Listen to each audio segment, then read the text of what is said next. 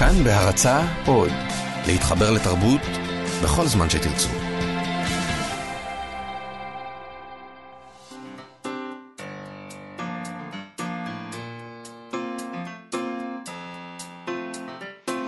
מה שכרוך עם יובל אביבי ומה יעשה לה.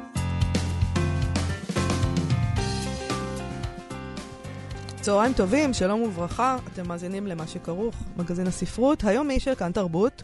תוכנית אחרונה לשבוע זה, אה, אנחנו כאן מראשון עד רביעי, והיום יום רביעי. הגיע אה, מהר. נכון, זה, זה עבר מהר, החיים אה, עוברים ביעף. ניתן להאזין לנו ברדיו, באינטרנט וגם באמצעות האפליקציה החדשה של כאן, כאן עוד, חפשו אותנו בחנויות האפליקציות, כאן אודי, אפשר להוריד אותה בחינם. אה, וליהנות מאשכול התוכניות שלנו שם, חדשות והמוזיקה ותוכניות התרבות. אה, והתוכנית הזאת אה, שלנו עולה גם לעמוד ההסכתים של כאן תרבות, הפודקאסטים, כמו עוד, יש שם עוד המון הסכתים מעניינים מאוד. מאוד. איתנו באולפן מיטל כהן וכן עוז, ושלום גם לך, יובל אביבי. שלום, מאיה סלע, נזכיר שאפשר לשלוח לנו מסרונים בטלפון 055-966-3992,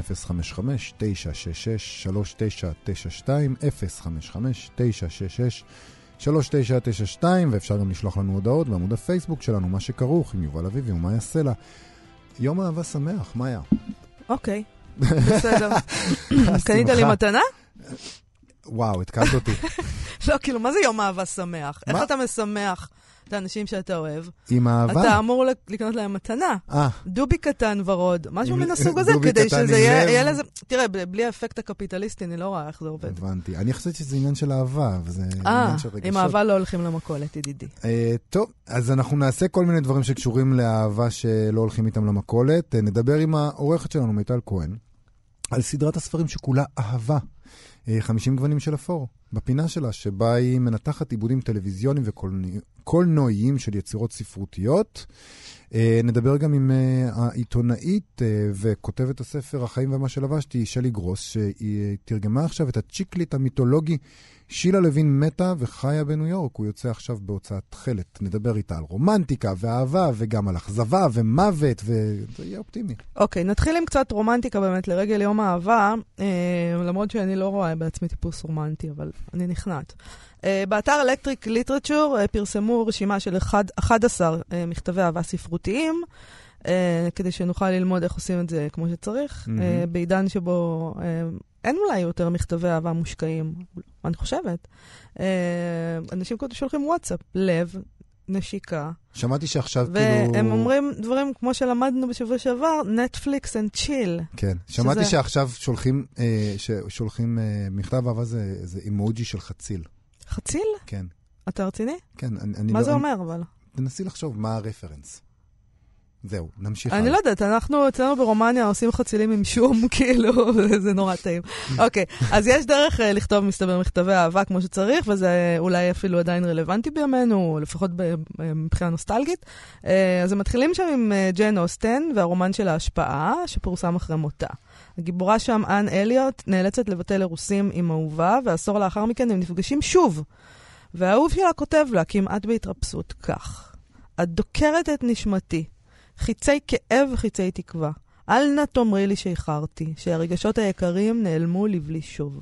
אני מציע עצמי לך שוב, עם לב שהוא שלך, יותר מכפי שהיה כשכמעט שברת אותו, לפני שמונה שנים וחצי.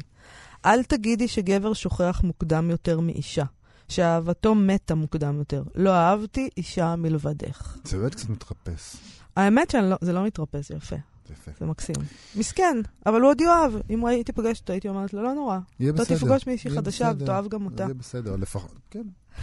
אה, טוב, המכתב הזה הוא חלק מספר פרוזה, אבל בהוצאת אה, קנופף הוציאו ב-2014 קובץ של מכתבי האהבה של הסופר אה, אה, ולדימיר נבוקוב לאשתו ורה. בכתבה הזאת מצטטים מכתב שבו דווקא הסופר הגדול הזה לא הצליח למצוא מילים לבטא את אהבתו. ככה הוא כותב: אהובתי, אושרי, אילו מילים אני יכול לכתוב לך? זה ממש כמו הפתיחה של לוליטה. באמת. נכון. כן, נו. כמה מוזר שעבודתי היא להזיז עט על נייר, ואיני יודע כיצד לומר לך כמה אני אוהב, כמה אני מעריץ אותך. זו שערה ושלווה נשגבת. עננים נמסים בזריחה. גבעות של אושר, ואני צף איתך, בך. בוער ונמס וחיים שלמים איתך הם כמו תנועת העננים, נפילתם האווירית השקטה. איני יכול לבטא תחושות אלה. זאת המחמאה הכי גדולה שהוא יכול היה למצוא, כנראה שאין לו מילים. שאפילו לי, הסופר הגדול, אין מילים. אוקיי, סייג לחוכמה שתיקה. לא חייבים לדבר כל הזמן, אתה יודע. תאהב בלב. בכל מקרה, יש כאן עוד מכתב אמיתי כזה שהם מצטטים מספר המכתבים של ויטה סאקוויל ווסט לווירג'יניה וולף, שתי סופרות שניהלו רומן סוער בראשית המאה ה-20, וכך היא כותבת: ויטה לווירג'יניה, צומצמתי לד... לדבר שרוצה את וירג'יניה. הנה מילים יפות, אגב. ממש. צומצמתי לדבר שרוצה את זה כל וירג'יניה. כך מדויק. גאוני. ממש. חיברתי מכתב יפהפה עבורך בשעות הסיוט חסר השינה של הלילה, והוא עבד. אני פשוט מתגעגעת אלייך, בייאוש אנושי פשוט. את לעולם לא היית כותבת משפט פשטני כזה. אולי לא היית חשה כך כלל.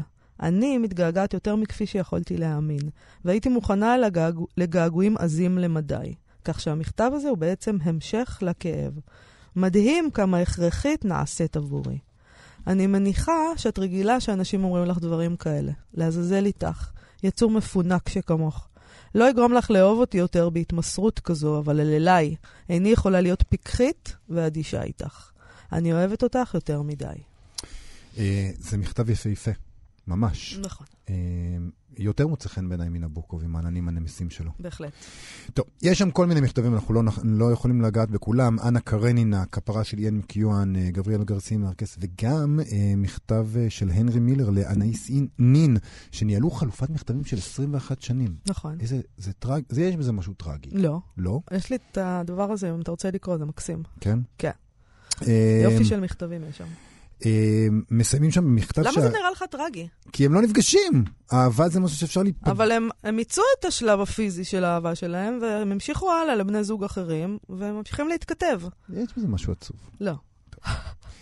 אמ, טוב, אה, מסיימים שם במכתב שהכותרת למבוגרים בלבד, היא לא מתחילה אפילו לתאר את מה שהולך שם. זה מכתב שכתב ג'יימס ג'ויס לאשתו נורה.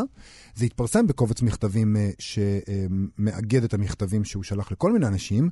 אין שום מצב שאנחנו מקריאים את זה, אז אם מישהו רוצה פשוט שיחפשו את זה, הלסת שלי פגשה את השולחן כשקראתי את המכתב הזה. אה, אוקיי. התגליתי כשמרן. ולא בפעם הראשונה. אה, זה לא כל כך שמרן, זה יותר אה, בן נוער. פוץ. אה, אתה לא, אתה בגיל 16 במובנים האלה.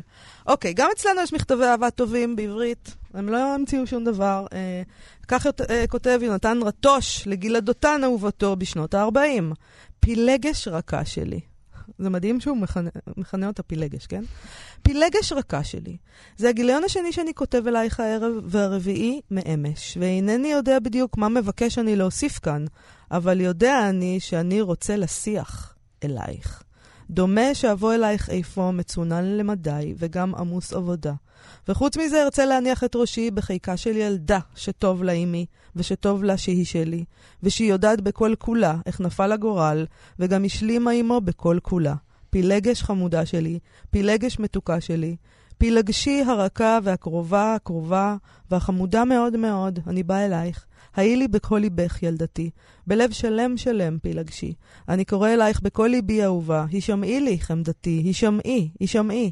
עיניי עצומות למחצה, וראשי על זרועי, הלכי לקר, ועיניי נעצמות וגאות. הישמעי לי פילג, פילגשי הרכה, כל גופי מבקשך זאת, וכל עורי שואל אלייך, וכולי משביעך, פילגש אהובה שלי, די אהובה, אהובה, כל כך אשמח בך, אורי. זה נהדר. מהמם. זה מאוד יפה. לעומת זאת, המשוררת אה, צילה בינדר, שהייתה המאהבת של נתן אלתרמן הנשוי, כתבה לו כך בסוף שנות ה-40. אלתרמן שלי, מה לעשות לגעגועים שלי אליך? מה לעשות לאהבתי והיא מתחדשת יום-יום, רגע-רגע? האם יהיה לי, את, אה, יהיה לי הכוח לשאת והיא גדולה וחזקה ממני? תעזור לי, אלתרמן שלי. הרי לעולם אשאר בצד, לעולם לא תהיה שלי, לעולם לא אוכל לגהץ לך כותונת, והרי בשבילי זה היה שיא האושר. לא נחוץ לי דבר מלבד אהבתך. אין דבר העושה עליי רושם, ואין דבר המוכשר במשהו לעורר את התלהבותי בלעדיך. ואיתך הכל. לכל יש משמעות ומובן וערך. על האושר שישנו בעולם, כל הכבוד וההצלחה והכל, אין בהם הכוח לעמוד מול חיוך אחד שלך. יקירי, אינני יכולה לחיות. אני רועדת מגעגועים, אני עצובה מאוד. ואולי מרוב אושר, הרי אני על ידך. הרי אתה הולך לידי, יושב איתי, כועס על, על לא דבר, ואולי לפעמים גם אוהב. תעזור לי, צילה. אוקיי, okay, והנה מכתב שאלתרמן כתב לה מניו יורק בשנות ה-60. זה המכתב הראשון שאני כותב אל מישהו מחוץ לבית, ואל תכעסי שלא כתבתי לך עד עכשיו. אני מהרהר בך כל הזמן. לומר את האמת, אינני יודע אם יש שעה שאת אינך נמצאת פה, גם כשאינני חש זאת במפורש. קיצור דבר, אין את צריכה להצטער שאינך יכולה לבוא ולבלש. בין כה וכה היית מוצאת פה את עצמך, ובכל זאת, צילה יקרה, הייתי רוצה שתרגישי את עצמך בימים אלה חופשייה ושמחה, ושתמלאי את זמנך בכל הדברים המעניינים והטובים שבעולם, כאילו, אל תכעסי, קיבלת פתאום חופש ממני. היי שמחה ובריאה, זה העיקר. זה מדהים, אין מה לומר, הוא רתם את כל הכוחות הליריים שלו כדי להפיק את הרומנטיקה במכתב הזה. זה די נורא. Uh, המכתבים האלה, מצאנו אותם באתר uh, דואר ישראל. Uh, נלקחו, לפי מה שמצוטט שם, מהספרים uh, יונתן רטוש, מכתבים, הוצאת הדר ב-1986. ונתן אה, אלתרמן, ביוגרפיה של מנחם דורמן, שיצא בקיבוץ המאוחד ב-91, והספקנו כבר לקבל אה, מסר על מכתבי אהבה. Mm. אה, כותב לנו מאזין אלמוני, אם במכתבי אהבה עסקינן, יש לי אוצר בלום של סבא וסבתא שלי שעלו לארץ הקודש ממרוקו בשנות ה-50 ונאלצו להפריד כוחות עד זעם יעבור, ושל כך נכתבו בהם. יש שם משפטים נהדרים וסיפורים וחוויות. שילחו לנו את זה בעמוד הפייסבוק שלנו, אה, דרך עמוד הפייסבוק שלנו, ואולי אה, נפרסם אותם שם. אה, בימים אלה יוצא לאור התרגום החדש של הספר שילה לוין מתה וחיה בניו יורק. זה ספר כבר, אני לא חושבת שיהיה מוגזם לומר שהוא מיתולוגי, שכתבה גייל פארנט ב-1972. הוא זכה להצלחה ענקית, נמכרו ממנו מיליוני עותקים, הוא תורגם לשלל שפות, גם לעברית על ידי נורית יהודאי ב-1973. אה, ועתה הוא מתורגם מחדש, יצא, יוצא בהוצאת תכלת על ידי העיתונאית והסופרת שכתבה את הספר החיים ומה שלבשתי, שלי גרוס. Uh, היא מתרגמת אותו, תרגמה אותו לעברית עדכנית. כן. Uh, ואני חושבת שאפשר, לא יהיה מוגזם לומר שזה הצ'יקליט הראשון בעצם, ולכן החלטנו שאנחנו רוצים לדבר עם שלי גרוס על העניין הזה. שלום לך, שלי גרוס. שלום. אהלן. Uh, נספר שהספר הזה הוא בעצם uh, מעין מכתב התאבדות של שילה.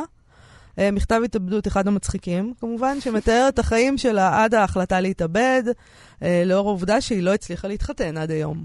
Uh, האימא היהודייה שלה וכל הדבר הזה. למה בעצם ההחלטה לתרגם אותו מחדש?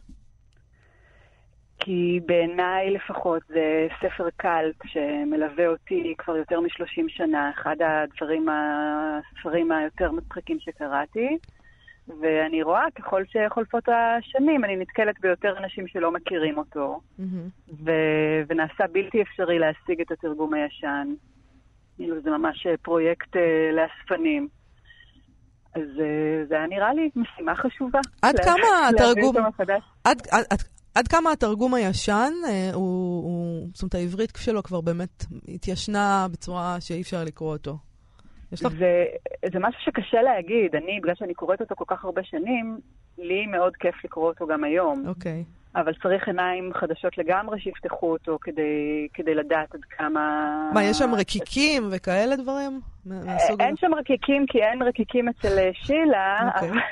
אבל, אבל יש שם דברים... אה, יש שם אפילו... יש המון גיי פארנט נותנת המון שמות של אה, מותגים ורשתות ושמות של מסעדות וכל מיני דברים שהם חלק מההוויה של ניו יורק בתקופה הזו. אוקיי. Okay. שחלקם לא שרדו בתרגום הישן לעברית, כנראה בגלל שזה, אני לא היה נראה שיותר מדי צריך יהיה להסביר את זה, או לא יודעת, אני, אין לי מושג מה... כן, מה שנות ה-70 פה, לא התעסקו, לא הבינו מה... כן, אף אחד לא היה בניו יורק, אז, אז, אז אין טעם לכתוב את הדברים.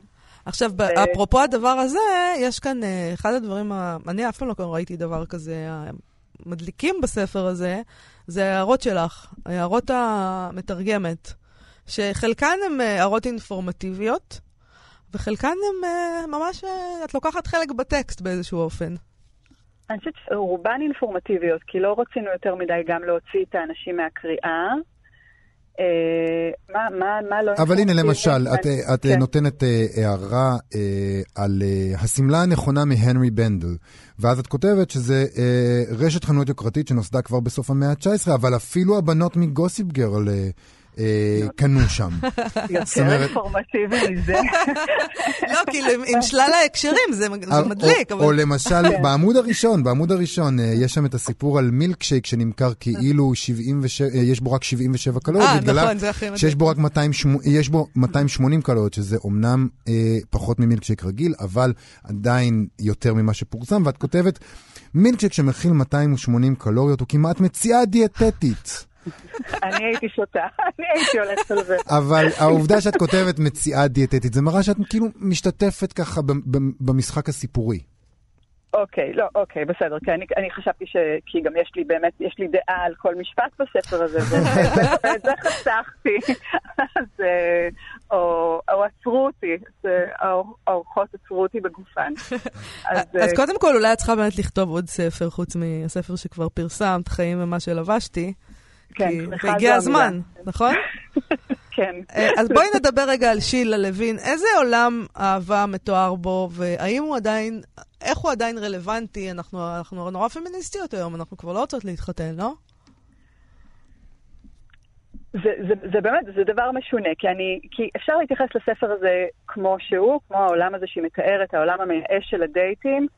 אני מודה שאני גם כשבכל תקופה שקראתי אותו, ולא משנה מה היה מצבי, אני התחברתי להומור ולאיך שהיא מציגה את הדברים, ופחות לנושא עצמו. כן. אז אני, אני לא יודעת, אני לא יודעת להגיד, אני מניחה פמיניסטיות היו גם בשנות ה-70, יש היום, יש את מי שכן רוצות למצוא אהבה, לא יודעת אם בהכרח להתחתן. היא גם חושבת שבגיל 30 החיים שלה נגמרו, היום גיל 30 זה מאוד מאוד צעיר. Uh, הרבה דברים השתנו, הרבה דברים נשארים אותו דבר. ההומור הוא נצחי בעיניי. אה, וזה שהיא בעצם אה, כתבה את הצ'יקליט הראשון, נכון? זה נכון להגיד שזה הצ'יקליט הראשון? אני לא, אני, האמת, לא, לא, זה, זה לא משהו שבדקתי היסטורית, אני לא יודעת להגיד... או אה, לפחות אם זה הראשון נכון. שהפך הוא- להיות להיט אה, כזה. אה, כן, גם, אני גם לא יודעת אם הוא בדיוק עונה על חוקי הז'אנר, כי אני לא יודעת בדיוק מה זה אומר, זה הרי לא נגמר באיזה סוף טוב, אבל זה כן מתאר חיים והתעסקויות קטנות ומודרניות בחייה של אישה אחת. אחד, אחד הרפרנסים הראשונים בספר זה אה, למה אה, עובר על פורט- פורטנוי של פיליפ רוט. אה, מה Portnoy's מעיק על comp- מה? מעיק, מה מעיק, סליחה. אה, Portnoy's Complaint, ש- שיצא ב-69, ומתאר, אה, יש ביניהם קווי דמיון בין הספרים, כן? אה, את אה, הגבר היהודי. הגבר היהודי. מונולוג הגבר היהודי הנוירוטי אצל פורטנוי, ומונולוג האישה היהודיה הנוירוטית בשילה לוין. ובכל זאת, יש התייחסות כמובן לפורטנוי כאחד מיצירות המופת. אה, ושילה לוין לא זוכה לאותו כבוד אה, מהבחינה הזאת, מהבחינה הספרותית הפרוזאית. נכון. למה? אה,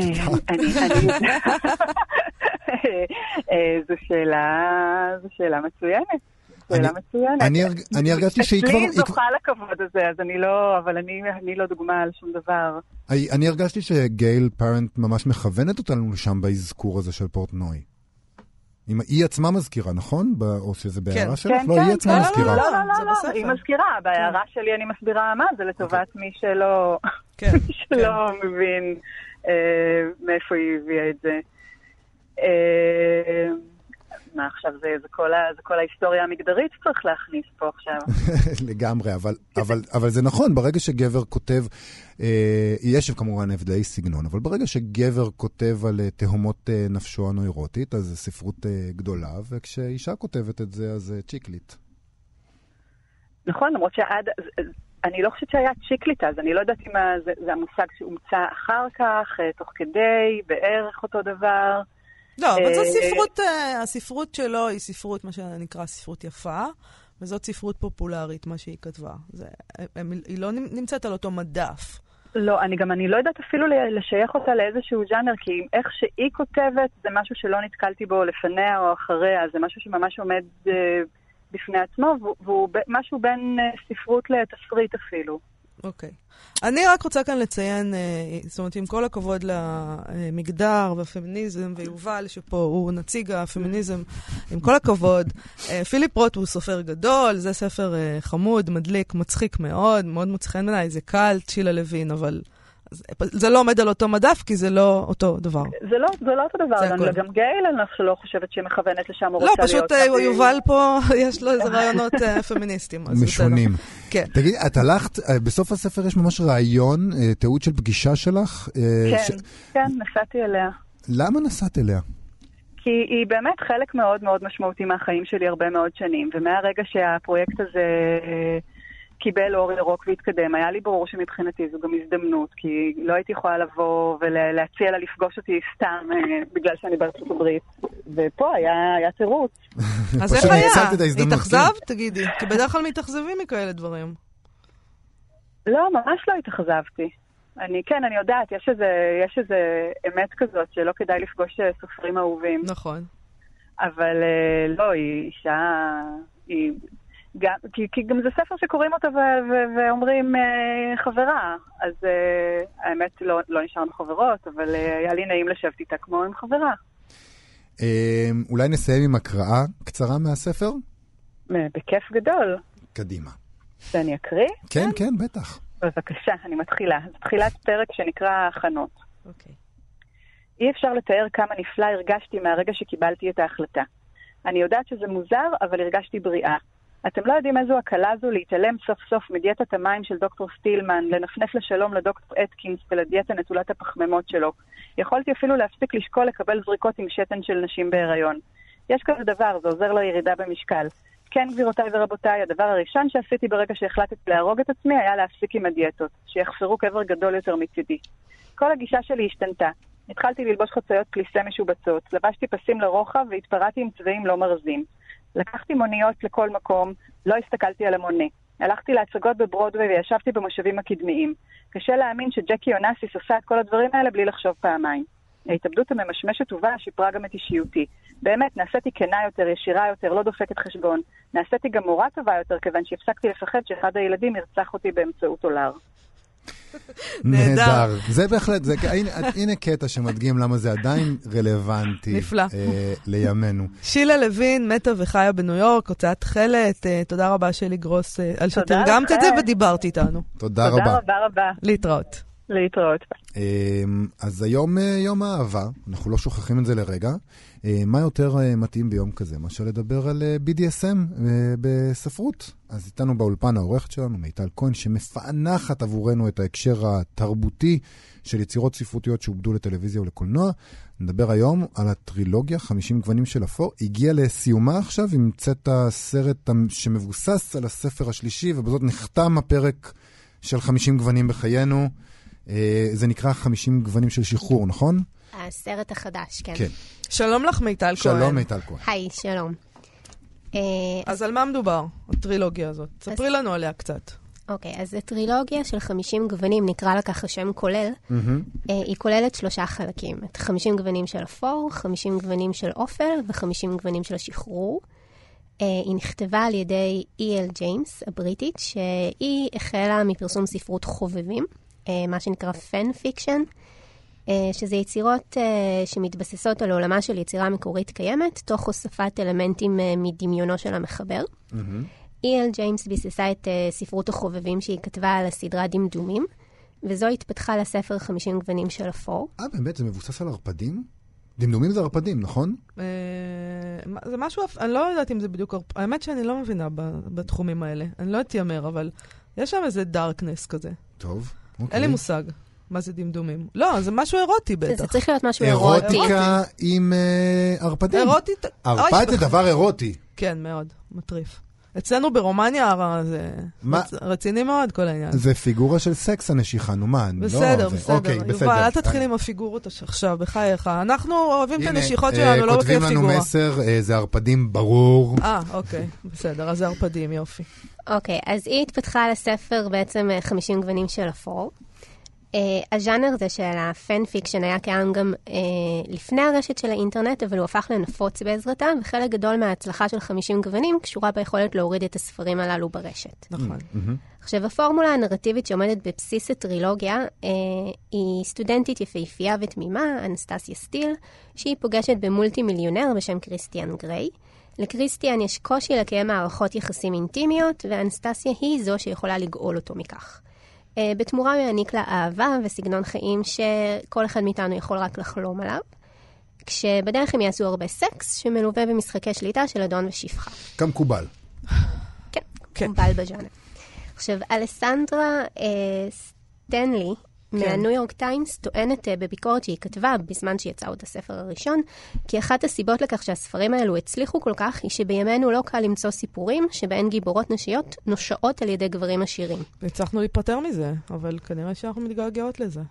אה, זה הצליח כי אנחנו מתגעגעים, כי אתן. מתגעגעות לזה שסוף סוף נציל לכם? סינדרלה, אבל היינו פמיניסטיות, ואז אמרנו, לא, אנחנו לא רוצות יותר סינדרלה.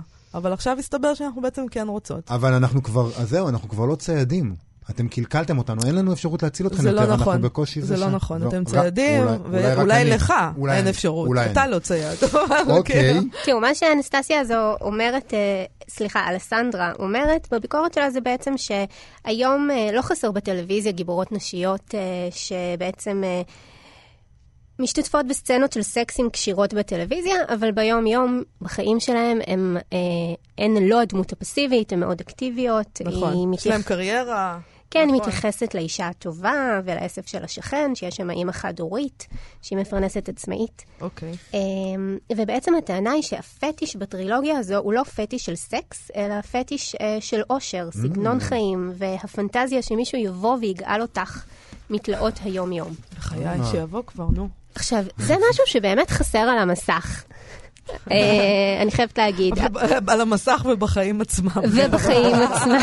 גם אני מוכן שמישהו יבוא ויגאול אותי. ברור. אני מוכן לעשות שינויים מרחיקי לכת בחיים שלי, מישהו יגאל אותי מחיי היום-יום. הקטע הוא שכשאין את זה על המסך, אז כבר ממש החיים הופכים להיות קשים.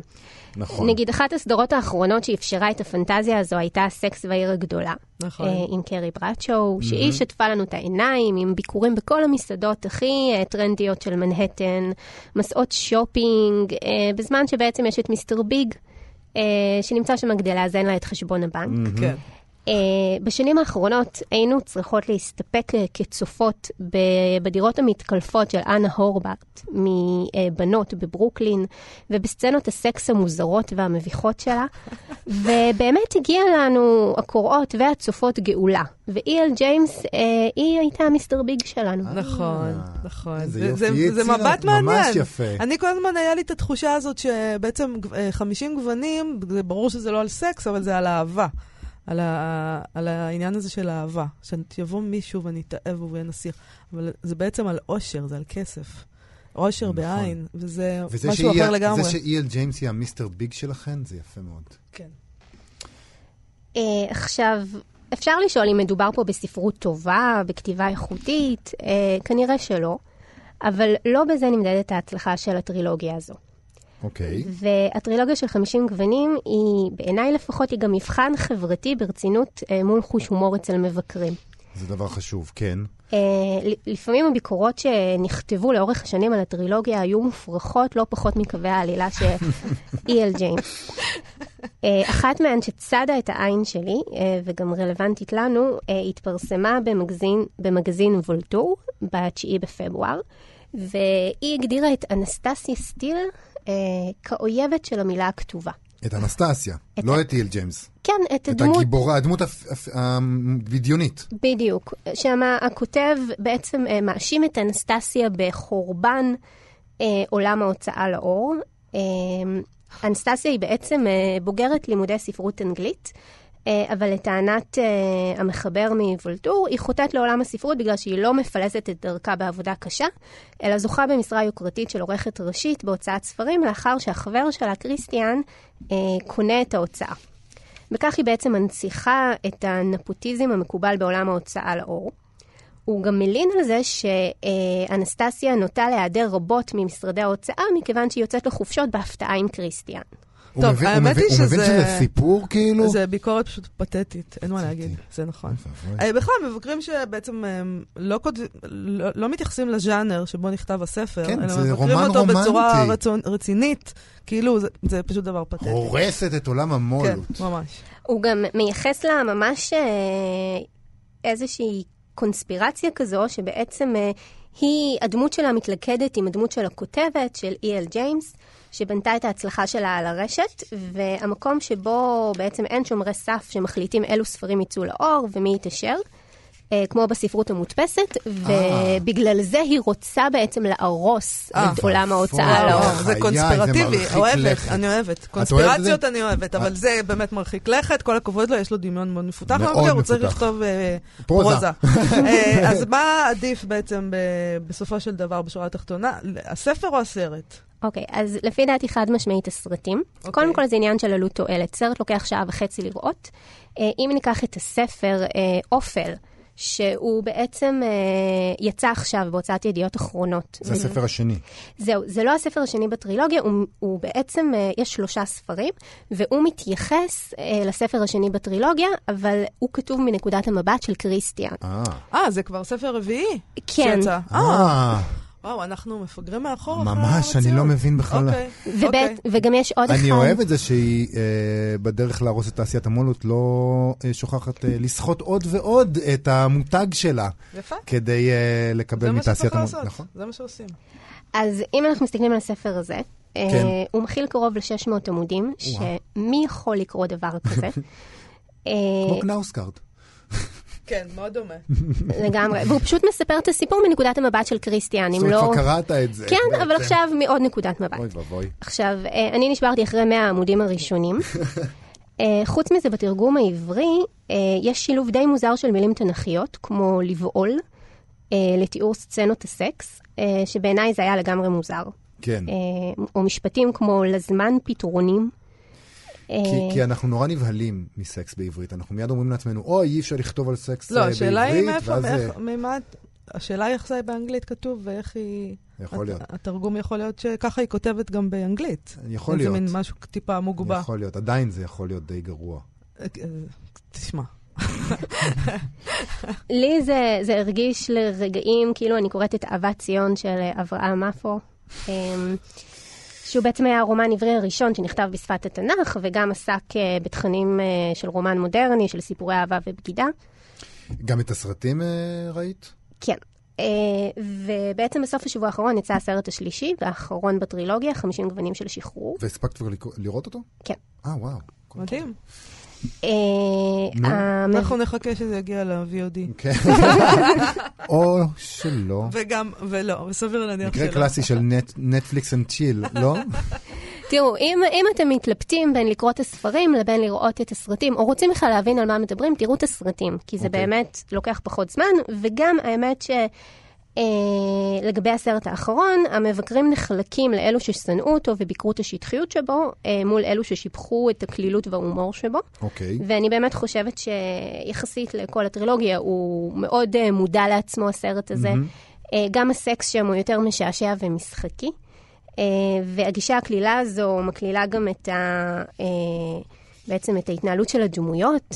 אה, קריסטיאן, איש הברזל שמה, איש הפלדה, בעצם אה, זורק כמה בדיחות. אה, הם מריצים שם בדיחות על העושר המופרז. לדוגמה, כשאנה שואלת את בעלה הטרי, oh my God, המטוס הזה שלך. אז ברור שזו בדיחה, כי מי שצפה בסרטים הקודמים יודע שאנה כבר טסה איתו מלא פעמים במטוס הפרטי שלו. אין ספק שמודעות עצמית זה, זה עוזר להחליק בגרון הרבה דברים מופרכים ומוזרים, בספרות ובקולנוע. אה, מיטל כהן, תודה רבה לך על זה. זה לא שכנע אותי לא לקרוא את לא, הספרים האלה, לא. ולא לצפות בסרטים האלה. אבל תודה. תודה רבה. Uh, כרגיל, uh, בימי רביעי וכמעט לפני סיום, אנחנו, יש לנו כמה המלצות לסוף השבוע. Uh, היום בשבע וחצי, היום בשבע וחצי, בחנות סיפור פשוט בתל אביב.